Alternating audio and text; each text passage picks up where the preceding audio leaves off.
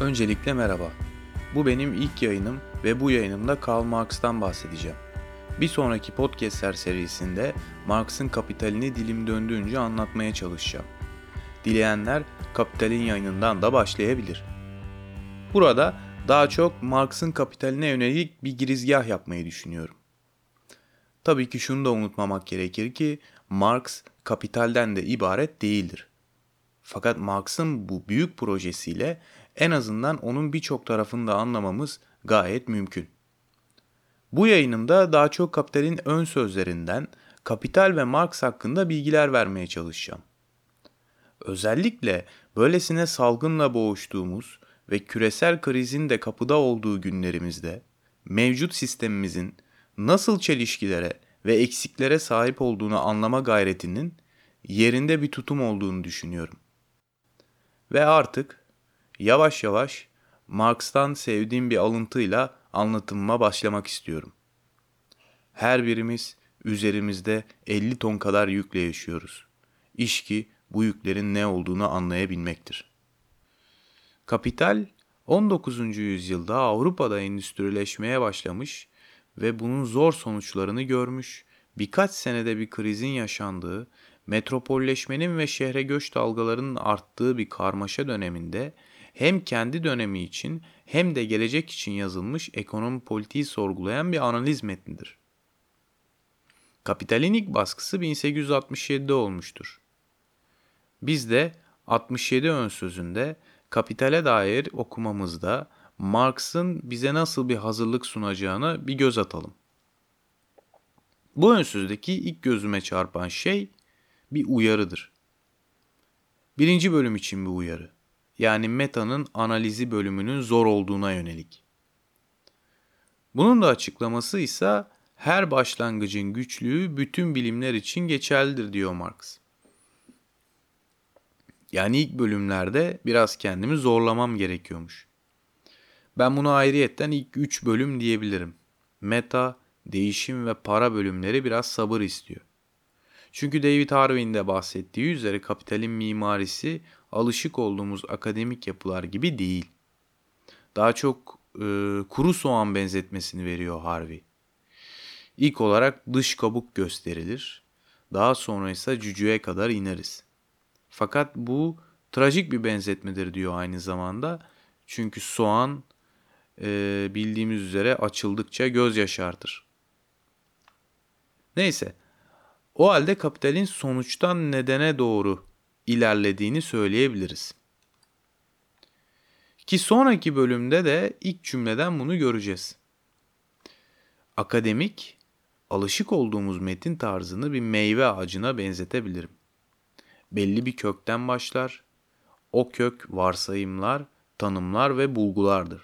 Sonra bunların ilişkilerinden bir gövde oluşturulur. Daha sonra dallara ve meyvelere varılır.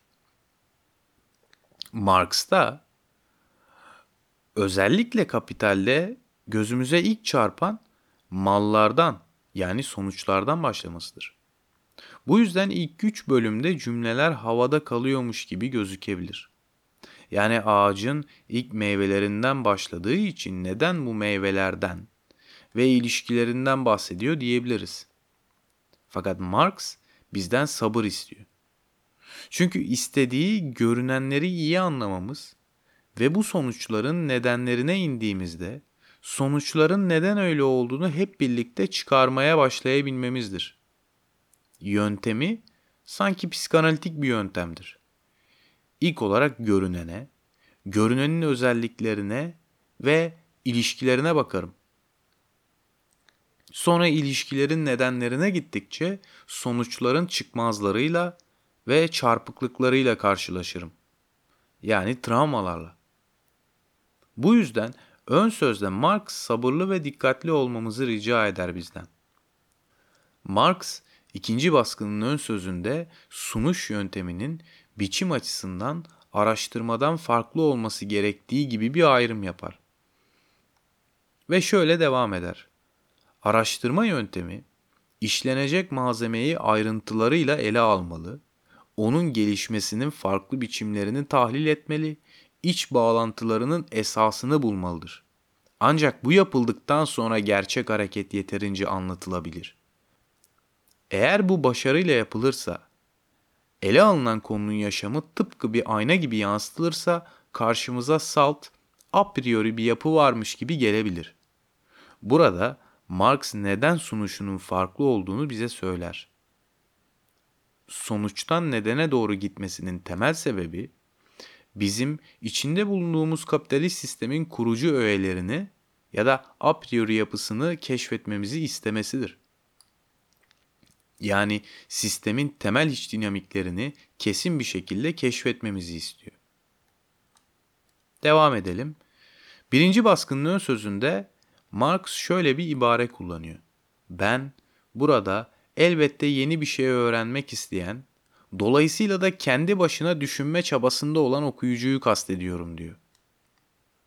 Marx'ta özellikle emek değer teorisinde Ricardo'yu görüyor olsak da o ne Ricardocu okuldur ne de Hegelcidir. Ne ütopik sosyalisttir ne de ne kadar seviyor olsa da Feuerbach'çıdır. Bundan dolayı Marx'ın akademi ve herhangi bir okulun dışında bir üslubu ve çizgisi olduğunu gördüm. Bu yüzden Marx'ın dediği yeni bir şey öğrenmek isteyen okuyucular olarak bir okula veya disipline bağlı kalmak zorunda değiliz. Devam edelim ya da geriye gidelim ve Marx'ın nasıl bir bilimsel yöntem izleyeceğine bakalım. Ekonomi biliminde ne mikroskoptan yararlanılır ne de kimyasal ayraçlardan. Her ikisinin yerini de soyutlama gücü almalıdır diyor Marx.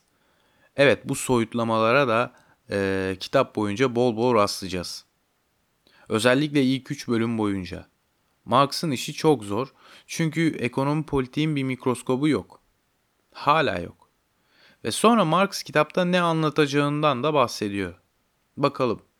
Ben bu yapıtta kapitalist üretim ve değişim tarzını ve bu tarza tekabül eden üretim ve değişim koşullarını inceleyeceğim diyor. Yani genel olarak birinci cilt kapitalizmin sermayesinin nasıl üretim yaptığını, üretim süreci kısmını işleyecek. İkinci cilt ise daha çok sermayenin gelişimi içinde aldığı çeşitli biçimler. Yani bu yüzden ikinci cilt e, sermayenin dolaşım süreci odaklı. Kısaca piyasa odaklı. Üçüncü cilt genel olarak sermaye. Bir bütün olarak sermaye. Dördüncü cilt teorinin tarihi olarak planlanıyor. Ee, ön sözde böyle söyleniyor. Fakat Marx e, yaşamında sadece birinci cildi tamamlayabiliyor. 2 ve 3 Engels yardımıyla toparlanıyor. Dördüncü cilt ise hiç olmuyor.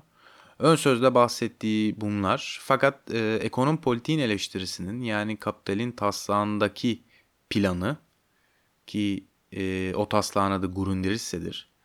Grundrisse metni de e, Kapital'den 9 sene önce yazılmış. Yani 1858. Bu metinde ise biraz farklı anlatıyor planını. E, Engels'e taslak hakkında bir mektubunda şöyle söylüyor mesela. Aşağıda birinci bölümün kısa bir özetini veriyorum. Bu Kapital'in birinci cildinin taslağı.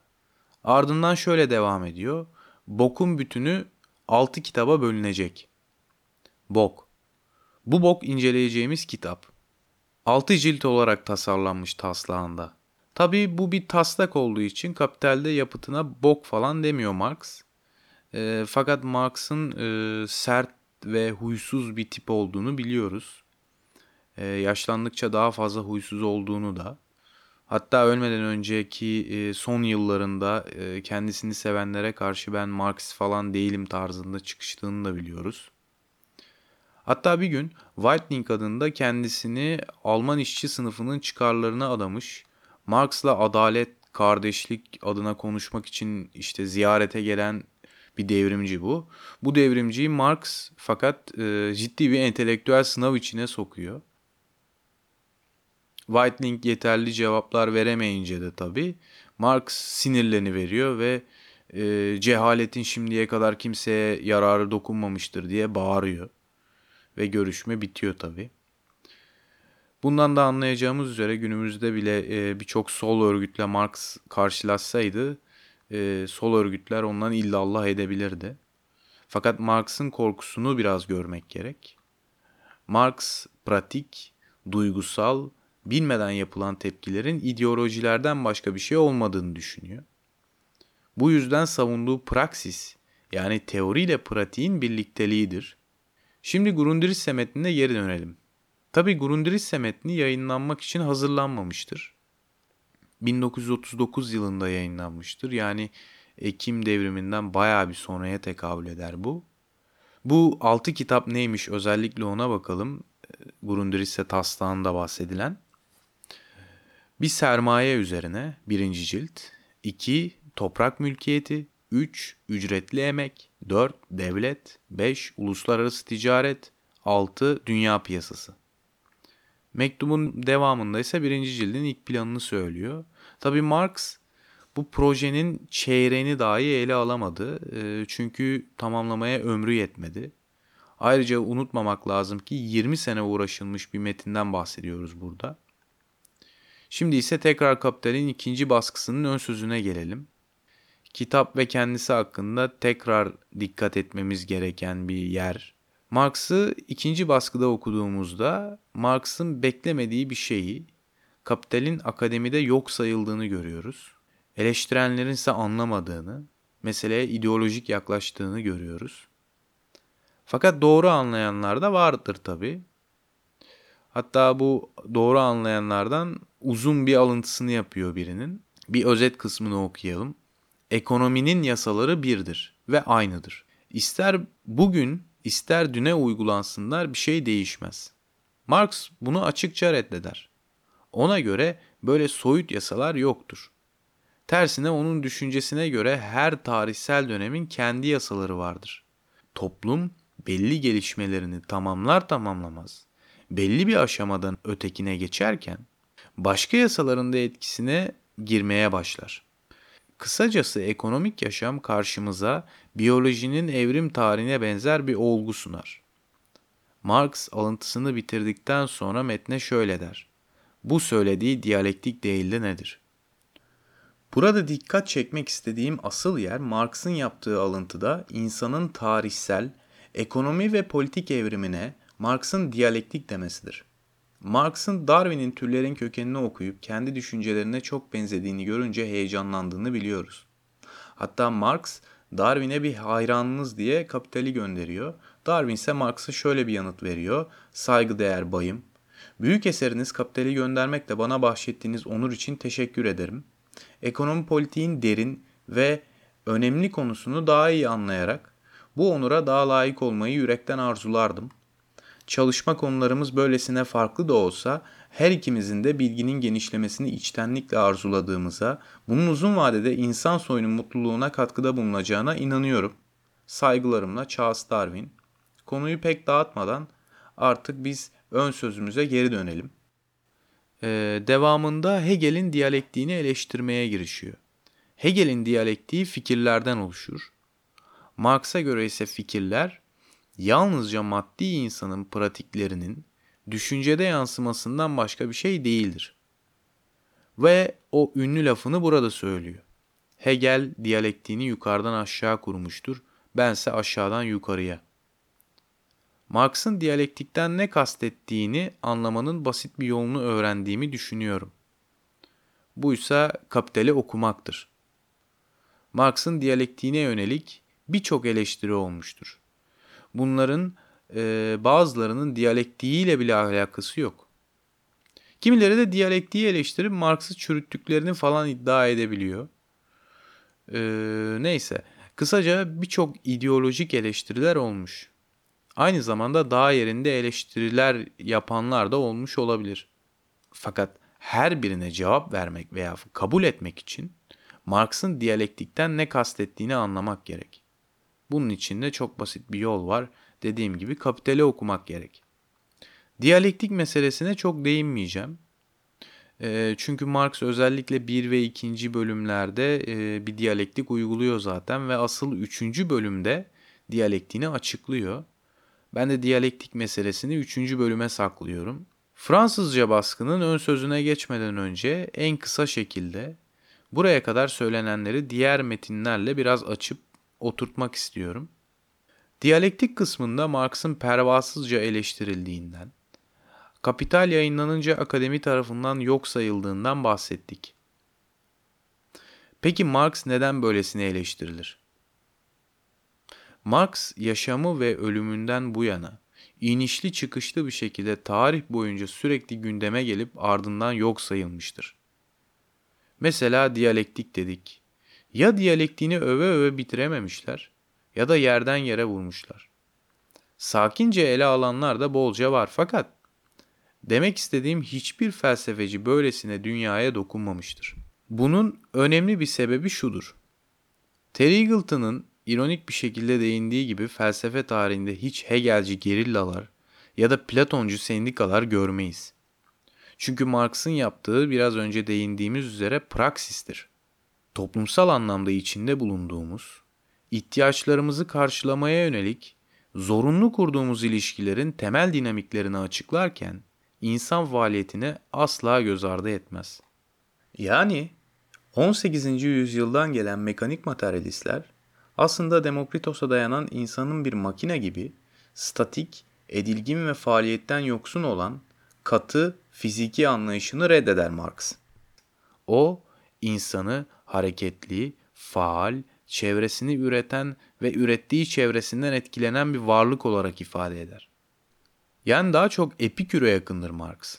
Ki gençlik döneminin Demokritos ve Epikür'ün doğa felsefesi doktora tezinde Demokritos'un atomlarının mekanik bir döngüselliği olduğunu fakat Epikür'ün atomlarında ise atomlar oluşan koşulların öyle bir safhasında bir araya gelir ki mevcut rotasyonlarından kayarlar ya da kırılmalar meydana gelir. Böylece başka bir dinamik oluştururlar.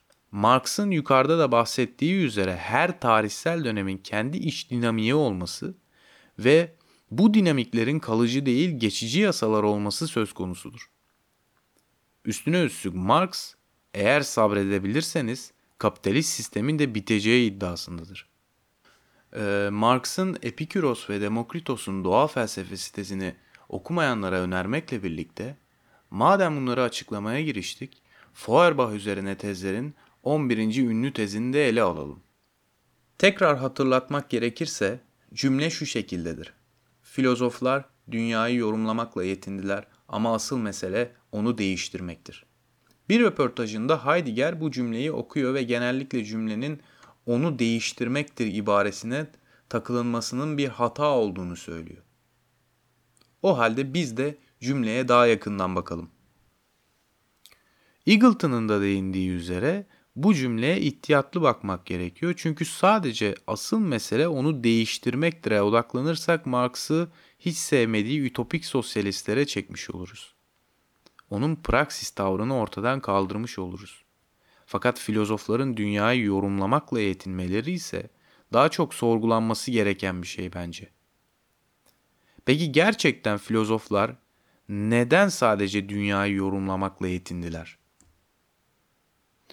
Bu soruya dikkat ettiğimizde cevabında değil de nasıl cevap verebileceğimize dikkat ettiğimizde sorunun devrimci kısmını görürüz.